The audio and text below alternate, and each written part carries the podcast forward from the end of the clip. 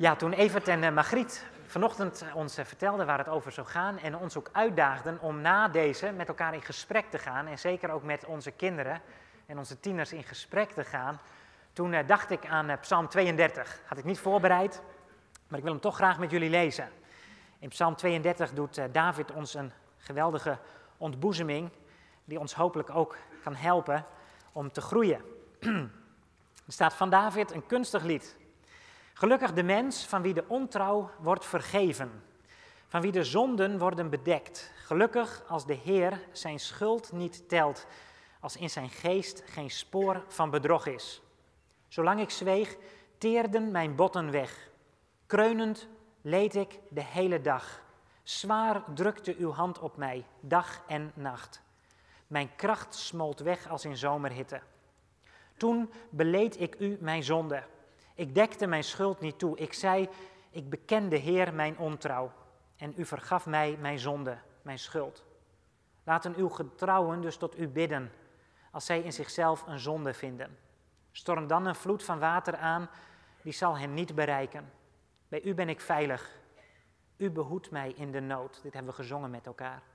En u omringt mij met gejuich van bevrijding. En dan zegt God, ik geef inzicht en ik wijs de weg die je moet gaan. Ik geef raad, op jou rust mijn oog. Wees niet redeloos als paarden of ezels die met bit en toom worden bedwongen. Dan zal geen kwaadje treffen. Een slecht mens heeft veel leed te verduren, maar wie op de Heer vertrouwt, wordt met liefde omringd. Verheug u in de Heer, rechtvaardigen en juich. Zing het uit, allen die oprecht zijn van hart. Tot zover deze psalm, waarin David tegen ons zegt: Ik weet wat het is om te zwijgen en ik weet wat het is om gebukt te gaan onder het feit dat ik een geheim heb in mijn leven. En Davids geheim, een van ze die kennen we, hij had zich vergrepen aan, aan Bathseba. En hij heeft het niet willen bekennen totdat Nathan bij hem kwam en zei, David, dat was jouw schaapje niet, die was van Uria. Maar David weet wat het is om gebukt te gaan onder het feit dat hij een zonde kent in zijn leven die hij niet aan de oppervlakte wilde laten komen. En als wij vandaag met elkaar hier zijn en we spreken over het thema, zoals ik het genoemd heb, heilige huisjes, die afgebroken moeten worden, dan wil ik je vragen om naar de stem van de Heer Jezus in jouw hart te luisteren, die tegen jou zegt, ik weet wat er in jouw hart zit, maar ik wil je vragen, ga het benoemen aan mijn adres.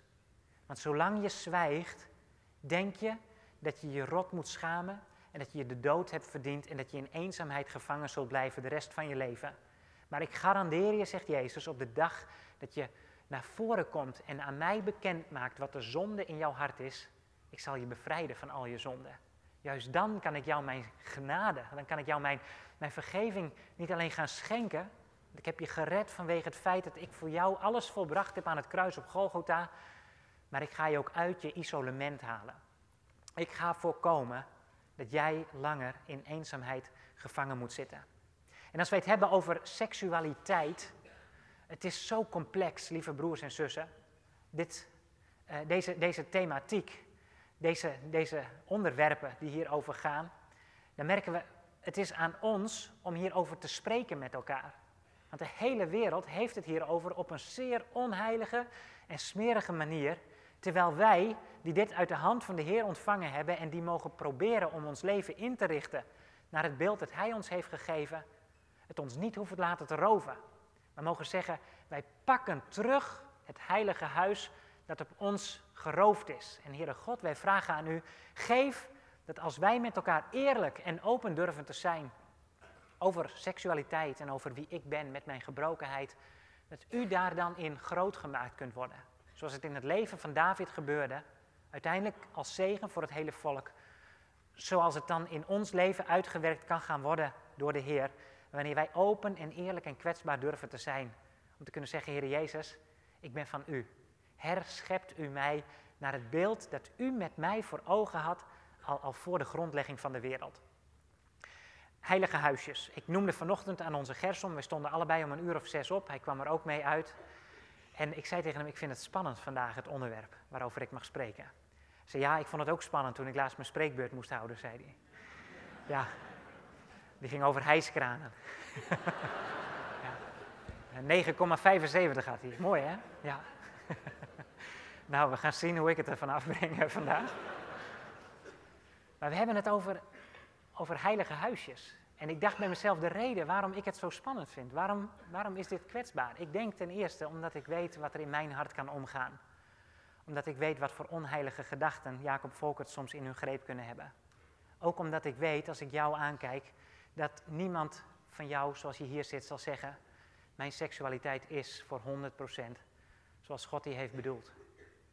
Omdat dat wat God neerlegde in de schepping, toen hij de mens schiep naar zijn beeld en naar zijn gelijkenis. En het moment daar kwam dat we het weggaven en Satan het roofde, hij niet nagelaten heeft om in de hele schepping af te gaan breken wat God als zo goed had bedoeld. Daarom, als wij open en eerlijk zijn met elkaar, en ik bid en ik hoop straks in onze gesprekken met onze kinderen, met onze tieners, dat we de Heere God zullen verstaan. In de wijze waarop wij kwetsbaar mogen zijn, maar waarop we ook de Heer Jezus kunnen en willen gaan volgen, die zegt, ik heb de prijs voor je leven betaald. Ik heb je al je zonden vergeven. Zou je mij willen kennen? En van daaruit mij de vraag willen stellen, Heer Jezus, hoe mag ik in mijn gebrokenheid met mijn broers en zussen in de gemeente, met mijn familie, met de mensen om mij heen gaan spreken over wie u bent. En weet je, misschien ben je hier vandaag en zeg je, ik heb geen partner. Misschien ben je hier vandaag en zeg je, ik ben al 60 jaar getrouwd. Zowel in het niet hebben van een partner als in het 60 jaar getrouwd zijn, kun je, hoe tegenstrijdig het ook klinkt, de diepe eenzaamheid blijven ervaren, die alleen door de Heer Jezus gecompenseerd kan gaan worden wanneer Hij in de eerste instantie onze partner wordt. Wanneer Hij de nummer één wordt in ons leven, of we getrouwd zijn of niet. Zodat Jezus in jouw hart kan gaan werken om te zeggen, maar hoe jij ook wel of niet in staat bent om jezelf ook seksueel te geven, ik wil jou één maken. En weet wel, de boze, die heeft alles omgedraaid. Waar ik seksualiteit heb bedoeld als een daad in het leven van man en vrouw om jezelf te geven, daar heeft de boze ervan gemaakt, ik wil je nemen. En zo spreken onze jongeren erover. Zo spreekt de wereld erover. Soms hoor ik gesprekken in de trein tussen jongeren onderling, waarbij de vraag werd gesteld: heb je nog iemand genomen? En het laat zien hoe haaks een gebroken schepping staat op het plan dat God had. Die zei: We zijn niet geboren om te nemen, maar we zijn geboren om te geven. En seksualiteit is van God gegeven als de ultieme daad van zelfopoffering. De Heer Jezus kwam om zijn leven te geven. En omdat Hij zijn leven kwam geven, is het zijn verlangen geworden in ons leven om heelmaking te bewerkstelligen. Om een nieuw huis te bouwen. Een huis dat door Satan werd afgebroken, opnieuw op te richten. Een heilig huis. God heeft een heilig huis voor ogen met jou en mij. Ik ga er zo dadelijk over lezen. In de brief aan de Corinthiërs schrijft Paulus dat wij een tempel zijn. Een heilig huis, een tempel van de Heilige Geest. Wij zijn het huis van God. We waren in de afgelopen weken in, uh, in Israël met een mooie groep uit de gemeente. Een heel aantal van hen zie ik hier zitten. En uh, we hebben behoorlijk wat heilige huisjes gezien. 2000 jaar geleden ging de Heer Jezus naar de hemel. En al gauw daarna kwamen de pelgrims vanuit de wereld die de Heer Jezus hadden leren kennen zeg 100, 200, 300 jaar later. En ze vroegen aan de mensen die dan in het heilige land, in het beloofde land leefden, waar was nou die steen waar hij die broden brak? Nou, we hebben het er even over, dat moet hem ongeveer geweest zijn. Goed, richten we daar een kerk op. En ze zeiden, wat was nou de plaats waar Jezus Petrus in ere herstelde? Nou, we kijken even met elkaar, dat vinden we een mooie steen waarop het gebeurd kan zijn. Goed, we richten een, een, een kerk met elkaar op. En wat was nou de plaats waar het kruis heeft gestaan en waar het graf heeft gelegen? Nou, die tuin kan het zijn, het kan ook die kerk daar zijn. Weet je wat, we richten twee heilige plaatsen in. Kunnen we de toeristen een beetje stroomlijnen en we zetten er een kerk neer. We hadden een gids, een Messias beleidende Jood. Hij zei, kijk alsjeblieft alleen naar wat er op het deurtje staat in de graftuin.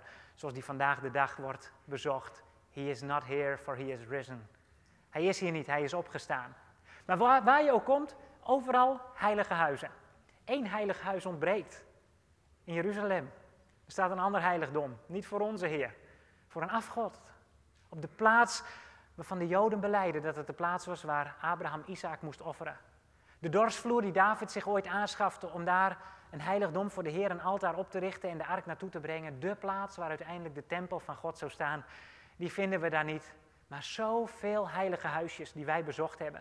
En je ziet mensen komen, en je staat er zelf met je goede gedrag en je fototoestelletje, alles vast te leggen voor het nageslacht. En je ziet mensen komen met oprechte harten en ze vallen op hun knieën voor wat daar gebeurd zou zijn. En dan denk ik, wat er ook in je hart is, de Heer vraagt aan het eind van de dag of je nu in Drachten bent en blijft de rest van je leven en het Heilig Land nooit bezocht zult hebben. Of dat je aan het eind van je leven zegt, ik ben in duizend heilige huisjes geweest, ik heb alle kerken bezocht en gekeken waar het gebeurd moet zijn. Is jouw hart het huis waar ik kan wonen? Is jouw hart die plek waarvan ik kan zeggen, daar wil ik zijn, daar wil ik zijn. Mijn huis, mijn eigen heilige huis.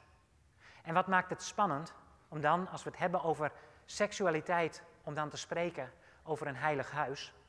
Omdat je weet wat heilig verklaard wordt, dat wordt te vuur en te zwaard verdedigd. Wat voor mij heilig is, daar blijft de rest van af.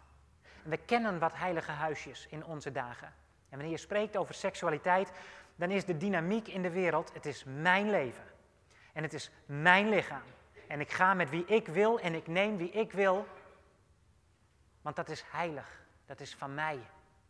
En als je kijkt naar de wijze waarop ook in de kerk gezegd wordt, de cultuur speelt zo'n grote factor. Wij zijn toch niet meer 2000 jaar geleden, maar wij leven toch nu. En we horen van Evert hoe onze tieners en hoe wij ook als volwassenen worstelen met elkaar met de vraag: Heere God, wat is van u en waar ben ik en waarin kunt u mij volgen en waarin zal ik mijn eigen lijn trekken? Dat je merkt, er moeten heel wat heilige huisjes ook afgebroken worden. Of een heilig huisje waarbij mensen zouden kunnen zeggen: Maar het is toch allemaal vergeven. De Heer Jezus is toch voor mijn zonde aan het kruis gestorven. En dan kan ik toch over mijn lichaam beschikken. Ik leef toch niet meer 2000 jaar geleden. De cultuur van doen is toch niet de cultuur van nu? En dan zegt de Heer, kijk alleen maar naar mij. Kijk naar mij. Kijk niet naar die heilige huizen die jouw cultuur aan jou oplegt. Luister niet naar woorden van mensen die zeggen dat het wel eens anders zou kunnen zijn dan hoe ik het bedoeld heb.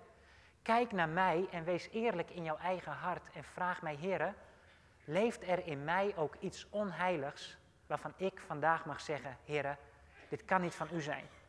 Ik geef het aan u. U kent mij door en door.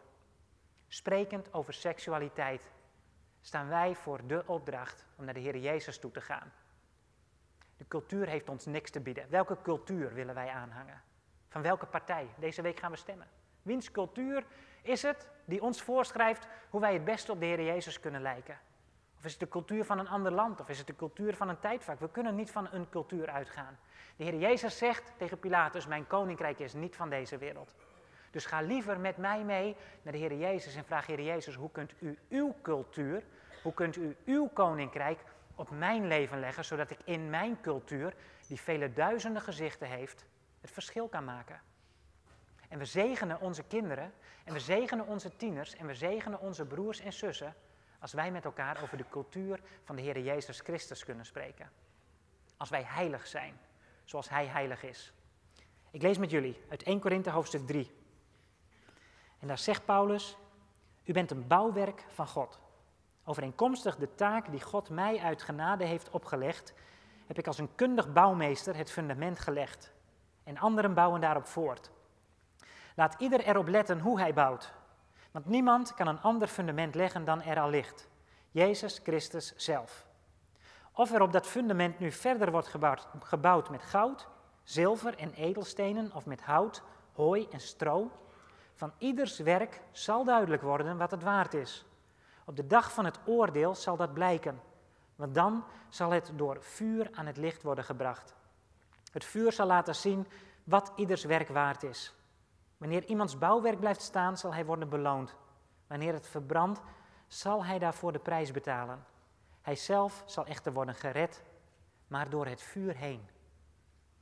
Weet u niet dat u een tempel van God bent en dat de geest van God in uw midden woont? Indien iemand Gods tempel vernietigt, zal God hem vernietigen. Want Gods tempel is heilig en die tempel bent u zelf. Laat niemand zichzelf bedriegen. Wanneer iemand van u denkt dat hij in deze wereld wijs is, moet hij eerst dwaas worden. Pas dan kan hij wijs worden. Wat namelijk in deze wereld wijsheid is, is dwaasheid bij God. Want er staat geschreven, hij vangt de, de wijzen in hun eigen sluwheid. En er staat ook geschreven, de Heer kent de gedachten van de wijzen. Hij weet dat ze niet meer dan lucht zijn. Over heilige huisjes gesproken. Dat wat voor de wereld wijs is en waar de wereld ons zegt dat we moeten doen wat we willen en onze tieners de leugen voorhoudt, daarvan zegt Jezus, alsjeblieft, wees liever dwaas voor de wereld en zeg ik ga daar niet in mee, dan te luisteren naar die wereld en te zeggen, ik kan zowel een kind van God zijn als luisteren naar de wereld en mijn eigen leven inrichten, ook seksueel, zoals ik het wil. Want de Heer zegt, die twee die gaan niet samen. Weet je niet, zegt Jezus, door Paulus heen hier, dat jij een tempel bent. En in de tempel van God kan geen onheiligheid zijn. Er kan geen sprake zijn van seksuele onreinheid in het huis van God. En daarom met David gesproken, alsjeblieft ken jezelf. Weet wat de prijs is die voor jouw leven is betaald en keer dagelijks je ogen naar Jezus toe en zeg, Heer Jezus, vandaag is van u. Bewaar mij voor mezelf. Bewaar mij voor de wijsheid van de wereld. U hebt haar gevangen in haar eigen wijsheid. Maar Heer, ik ben van u. Paulus laat ons zien dat wij een fundament hebben in ons leven. En daar bouwen wij op. En dat fundament, daarvan beschrijft hij gelukkig, dat zal blijven liggen. Als jij gelooft dat Jezus Christus voor jouw zonden aan het kruis is gestorven, dat Hij de prijs voor je leven heeft betaald, dat je bent vrijgesproken op basis van genade, dan zul je het koninkrijk van God beërven. Maar je kunt gaan bouwen op dat fundament, zegt Paulus. Houd er rekening mee dat je beter vandaag nog ervoor kunt gaan kiezen om op dat fundament te bouwen. Want wat jij hier bouwt, daar draag jij mee de eeuwigheid in. Realiseer je dat. Je mag er geen genoegen mee nemen dat je denkt, yes, ik ben binnen. Want je bouwt iets op het fundament. En Paulus zegt, je kunt met goud bouwen, je kunt met edelstenen bouwen, met zilver. Je kunt je leven op God richten, zoals Anke het met ons las uit Jesaja 26 en zeggen, Heer, ik richt mij op u, dus ik bid vandaag dat alles wat ik denk, alles wat ik doe, alles wat ik zal zeggen, dat het tot eer van uw naam zal zijn. En de Heer gaat bouwen. Maar je kunt ook zeggen, Heer, vandaag red ik mezelf wel even. En ik pas ervoor om te kiezen, om te, om te bidden, Heer, bewaar mij voor mezelf. En ik struikel vandaag en ik kijk naar de verkeerde beelden en ik laat me meeslepen. En ik, schuil me, ik trek me terug in mijn schuilhut en ik bouw met stro en ik bouw met stoppels. En uiteindelijk, zegt Paulus, gaat ons leven door de Heer getoetst worden. Onlangs las ik met jullie een paar woorden over de tweede dood, wanneer de mensen zullen verschijnen voor God. Ons fundament zal blijven liggen als het Jezus Christus is en Jezus alleen. Maar het mag niet zo zijn dat wij de prijs voor ons leven betalen door te komen en te zeggen, Heer, ik heb niets anders gebouwd dan stro en stoppelen. Ik heb mijn leven niet op u afgestemd, maar ik ben met mezelf bezig gebleven. En daardoor ga ik eigenlijk, terwijl ik misschien al 80 jaar de Heer ken, als een baby de eeuwigheid in. Bouw, zegt Paulus, met goud en met zilver en met edelstenen. En dat betekent dat wij ons realiseren dat Jezus iets wil bewerkstelligen door ons heen. Dat wij ons realiseren dat wij een tempel zijn. Als wij het hebben over seksualiteit, wat is dan Gods droom voor zijn kinderen? Spreken over seksualiteit betekent dat wij een taboe moeten doorbreken. Wij gaan het hierover hebben met elkaar. En als het moet, zo vaak als nodig. Want de wereld schuwt niet om het erover te hebben. Maar de wereld biedt ons een beeld van seksualiteit dat het niet is. God had een droom. Gods droom was dat op deze aardbol mensen zouden wandelen naar zijn beeld en naar zijn gelijkenis. En hij schiep Adam. En toen hij klaar was met de hele schepping, toen kwam God tot de conclusie, hij wist het al toen hij eraan begon, het is niet goed dat de mens alleen is. Hij heeft alles volmaakt gemaakt. Elke dag zei hij bij zichzelf, perfect, kijk eens even. Engelen, kom kijken. Hoe mooi heb ik dit gemaakt. Tof, goed is het. Het is zeer goed. En dan schept hij Adam en dan zegt hij, maar het is niet goed Adam dat jij alleen bent. En weet je, dat doet God, hè? Net zoals wij met onze kinderen mogen spreken en hunzelf tot conclusies moeten laten komen, vul het niet in. Maar ga met je kinderen op weg en zeg ze: ontdek het leven. Maar kijk naar papa en mama. Kijk naar broers en zussen in de kerk van Jezus Christus. En als wij struikelen, zijn we eerlijk. Maar waar wij heilig willen zijn, dan laten we jullie zien. Wij kiezen voor elkaar en wij zeggen ja. Zo zegt God tegen zijn kind Adam: Adam, jij mag zelf ontdekken dat je alleen bent. En Adam, die mag alle dieren een naam gaan geven, naar hun aard. En als Adam daarmee klaar is, komt Adam zo liefdevol tot dezelfde conclusie. Ik heb niemand die bij mij past. Ik ben alleen. Dit deugt toch niet? En dan laat de Heere God hem in een diepe slaap vallen. En dan uit Adam wordt Eva geschapen. En dan zegt Adam, nu heb ik eindelijk vlees van mijn vlees. Nu heb ik één die tegenover mij staat. Adam was hulpeloos en eenzaam. En voortaan is hij één. Ziet u, één betekent niet dat je maar één persoon bent. Eén betekent dat je één met elkaar bent. Vader, Zoon en Heilige Geest. Die blauwdruk, die drie ene God, die wordt op de schepping gelegd en God zet daar man en vrouw neer. Maar wat gebeurt er? De breuk met God wordt gemaakt. En God die zegt, maar ik ben de bron van leven en ik heb jou, man en vrouw, aan elkaar gegeven. Omdat deze breuk tot stand komt, wordt die breuk automatisch ook aangebracht. Wanneer wij niet met God in het reinen zijn, kunnen wij elkaar niet meer verstaan. Het eerste wat Adam zegt, God, die vrouw die u mij gegeven hebt, ik ben het slachtoffer hier. Zij heeft het gedaan. En u moet u wel realiseren, u hebt haar aan mij gegeven. En je ziet de breuk tot stand komen. Man en vrouw verstaan elkaar niet meer. Je ziet in Romeinen 1 Paulus dit oppakken. Als Paulus begint te beschrijven dat wij God niet langer wilden kennen als schepper van hemel en aarde, maar in plaats van hem het schepsel zijn gaan aanbidden, dan maakt hij een opsomming van wat er misgaat in de schepping. En de eerste daarvan, hij laat het zien. Wij wilden God niet meer kennen. De natuurlijke band die er met hem was, die is verbroken. En daardoor is ook de natuurlijke band tussen man en vrouw verbroken geraakt. Waardoor vrouwen op vrouwen zijn gaan vallen, zegt Paulus, en mannen op mannen. En waarom hij deze eerste eruit kiest in een lange rij van inzichten, waarin de mens het zicht op God is kwijtgeraakt. Ik geloof alles dat het ermee te maken heeft, omdat God laat zien, het tegennatuurlijke is tot stand gekomen. Maar nu ik. Nu wil ik herscheppen. Jezus schrijft ernaar terug in Matthäus hoofdstuk 19, als hem door de fariseeën gevraagd wordt, Heren, wanneer mogen wij onze vrouw eigenlijk de laan uitsturen? Ze gaan er zeer eenvoudig mee om. En ze misbruiken hun positie als fariseeën. Ze zeggen, mag een man zijn vrouw om willekeurig welke reden verstoten? Dat is wat ze deden. Maar Jezus zei, hebt u niet gelezen dat de schepper de mens bij het begin mannelijk en vrouwelijk heeft gemaakt? En hij vervolgde, daarom zal een man zijn vader en moeder verlaten en zich hechten aan zijn vrouw. En die twee zullen één worden. Ze zijn dan niet langer twee, maar één. Wat God heeft verbonden mag een mens niet scheiden. En toen vroegen ze hem, waarom heeft Mozes naar voorgeschreven haar een scheidingsbrief te geven en haar zo te verstoten? Hij antwoordde, omdat u harteloos en koppig bent. Daarom heeft Mozes u toegestaan uw vrouw te verstoten. Maar dat is niet vanaf het begin zo geweest. Ik zeg u, wie zijn vrouw verstoot en met een ander trouwt, pleegt overspel. Tenzij er sprake was van een ongeoorloofde verbintenis.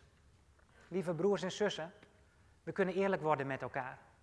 Wie van ons kan zeggen dat hij of zij in eigen kracht een tempel van de Heilige Geest is? Wie van ons kan zeggen, Heere God, hier ben ik.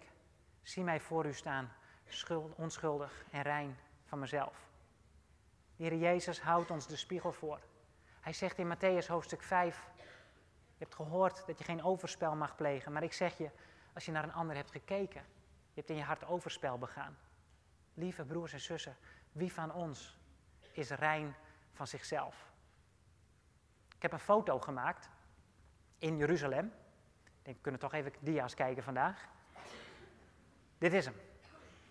Dit gebouw had u misschien niet verwacht aan te zullen treffen in Jeruzalem. Maar het is een voorproefje. Het is ongeveer uh, nou, zo groot, denk ik. Een maquette van het Jeruzalem. Zoals het was en zoals het weer zal zijn. Hier zien wij de tempel. Het is de tweede tempel. Er is geen stad zo vaak afgebroken en opnieuw opgebouwd als Jeruzalem. Dit is de tempel zoals Herodes die heeft gepimpt. Hij heeft hem prachtig, heeft hem mooi gemaakt. Hier staat een klein muurtje. Midden in de voorhof. Hier mochten de heidenen komen. Hier niet meer. Wie langs deze muur wilde, zonder Jood te zijn, die zou het met zijn leven bekopen. Ik heb gezien, samen met mijn broers en zussen, hoe we daar waren, hoe mensen zich moesten voorbereiden in een prachtig filmfragment door zich te heiligen en te reinigen. Door een bad te gaan en bekleed met de klederen van de gerechtigheid zou je kunnen zeggen, weer naar boven te komen. Het tempelplein te benaderen via de trappen hier waar de Heer Jezus zat toen hij een jochie van een jaar of twaalf was en waar hij later onderricht gaf. En dan naar binnen te gaan, langs die muur te mogen en hier te komen. Hier deden de priestersdienst. En één keer per jaar mocht in het allerheiligste achter in de tempel, het heilige der heiligen, de hoge priester komen. Om daar het offer te sprenkelen, het bloed te sprenkelen voor de zonde van het hele volk. Het was niet aan de orde dat enig ander mens ooit in dit gebouw zou kunnen komen dan alleen de hoge priester. De Heer Jezus die waarschuwt ons door het woord van Paulus heen. In mijn huis kan geen leugen zijn. In mijn huis kan geen onreinheid zijn. In mijn huis kan geen overspel zijn. In mijn huis zal waar zonde is dat aan het licht gebracht worden en besproken worden, want ik ben degene die de onreinheid vergeeft, die de leugen wegdoet en die de waarheid spreekt. Maar alleen ik wil het zijn in mijn huis. Weet je niet dat je de tempel van de Heilige Geest bent? Hier kan geen ander wonen dan ik alleen. En daarom, lieve broers en zussen, vraagt de Heer van ons: word eerlijk. Ik weet wat er aan de hand is en ik weet wat er speelt en ik wil je vragen: Ga het bespreken met mij. Want bij God is alles mogelijk. Hij zal je zonde vergeven. Hij zal je leiden door de Heilige Geest.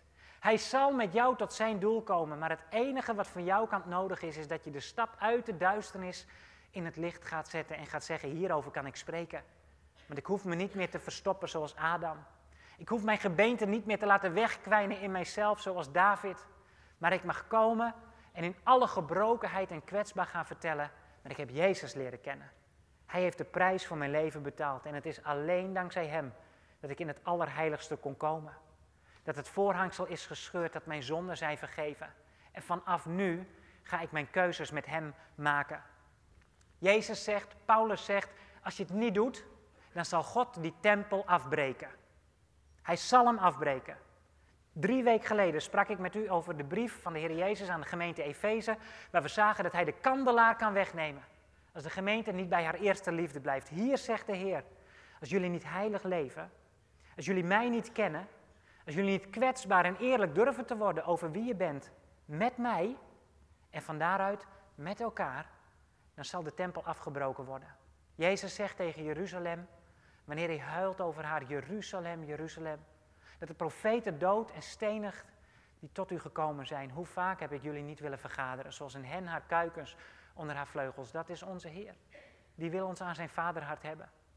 Maar jullie hebben het niet gewild, zegt Jezus. Ik laat jullie aan jezelf over. En God trekt zijn hand terug van Jeruzalem. En in het jaar 70, en ik was diep onder de indruk van dit hele complex, hier staat zo'n grote gouden pukkel tegenwoordig. Hierachter staat een klein stukje muur van het hele grote complex. Het wordt de klaagmuur genoemd. Het is het enige wat over is. De Romeinen hebben niet nagelaten toen ze de kans kregen om Gods stad te verwoesten, om steen voor steen het hele bouwwerk af te breken. Waar ze op zoveel plaatsen zouden gezegd hebben: Nou, mooi, laat het een optrekje voor, voor Zeus of voor Jupiter of voor Agrippa of voor, voor wie dan ook worden. Laat het maar een afgodstempel worden, zeiden ze hier. We gaan het steen voor steen afbreken. Want Gods volk, daar moet voor eens en voor altijd mee afgerekend worden. Er staat geen steen meer op de ander. Jezus zal tot zijn doel komen. Maar hij waarschuwt ons. Jullie zijn die tempel geworden. Jij bent die tempel. Wij met elkaar. Wat moeten wij doen? Wij moeten naar Jezus gaan. En zeggen, Heer Jezus, hier ben ik. Doorlicht mij. Heer, ken mij. Ik ken mezelf. Ik ken mijn zonde. Heer Jezus, hier ben ik. Ik maak het aan u bekend. En spreek met elkaar. Als je Jezus hierin hebt gekend, zorg dat er licht en lucht bij kan komen, want je zonden ze zijn vergeven. Ik lees een paar woorden nog met jullie uit Efeze hoofdstuk 2.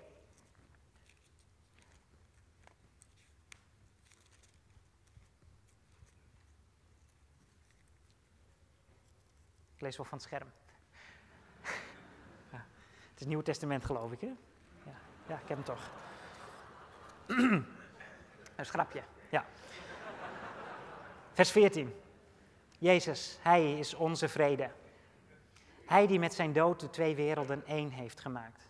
De muur van vijandschap ertussen heeft afgebroken. En dan in vers 21. Vanuit Hem groeit het hele gebouw steen voor steen uit tot een tempel die gewijd is aan Hem, de Heer, in wie ook u samen opgebouwd wordt tot een plaats waar God woont door zijn geest. Dat doet de Heere Jezus. Dat doe jij niet, dat doe ik niet. De Heer Jezus is een tempel aan het bouwen in onze dagen. We zullen zien hoe er straks een tempel staat, want Hij komt tot zijn doel met zijn volk. Maar intussen is Hij nog een tempel aan het bouwen. Hij heeft, Hij is onze vrede, Hij heeft met zijn dood de twee werelden één gemaakt. En de muur van vijandschap ertussen afgebroken. Ik liet jullie dat muurtje zien. Vorige week sprak ik in Jeruzalem met de gemeente over die muur die ons scheidde van Israël, waardoor hij zei: Ik heb van twee werelden één gemaakt. Maar Jezus ziet ook de muren in jouw hart, waarvan hij weet, door wat er is gebeurd, door wat jou is aangedaan, door wat je zelf hebt uitgevreten, door wat jouw gedachten zijn geweest en jouw daden, heeft zich misschien wel een muur opgetrokken tussen jou en je kinderen, tussen jou en je partner. Maar Jezus is jouw vrede. Ga naar hem toe en zeg, Heer Jezus, ik vind het zo spannend, maar ik moet kwetsbaar worden. Wilt u de muur van mijn hart afbreken? Wilt u mij weer één gaan laten worden met mijn partner? Wilt u ons samen één gaan laten worden met onze kinderen? Als jij dat durft, dan zegt Jezus, steen voor steen ga ik in jouw leven een nieuw huis bouwen. No matter what. Jezus gaat op het oude fundament vrolijk verder. En hij zegt, ik bouw iets nieuws in jouw leven. Maar geef jouw seksualiteit aan mij. En laat mij jou herscheppen in deze. Naar geest, naar ziel en naar lichaam. Het rijke is, we gaan een prachtig lied zien met elkaar. Het heet Broken Together. Dat wij met elkaar kunnen zeggen, mensen, van onszelf zijn wij gebroken. Maar we hebben een heelmeester. Eén die ons maakt. De, de stenen voor de tempel, de eerste tempel die Salomo mocht bouwen, die werden op grote afstand gemaakt in de steengroeven. In de steengroeven werden ze afgebikt, werden ze uitgehouwen, werden ze gepolijst en klaargemaakt om naar Jeruzalem gebracht te worden en daar geplaatst te worden. En er werd op die heilige plaats niet het geluid van enig instrument gehoord. Het gebeurde in alle heiligheid en stilte voor Gods aangezicht. Lieve mensen, we zitten in die werkplaats. En de Heer Jezus is op ons aan het bikken en aan het slaan. Hij is aan ons aan het klaarmaken op een liefdevolle manier. Hij, hij vormt ons naar zijn beeld, nu, in dit leven. Zodat straks als hij komt, hij kan zeggen, je bent erop voorbereid. En ik kan jou voegen in het heilige huis. Dat maakt ook dat wij met elkaar kwetsbaar kunnen zijn. Want wat jouw tekortkoming is, is de tekortkoming van de ander. We hebben het niet van onszelf, we hebben het van de Heer Jezus. Ken elkaar in je gebrokenheid, in je relatie. En laat de Heer dan groot worden.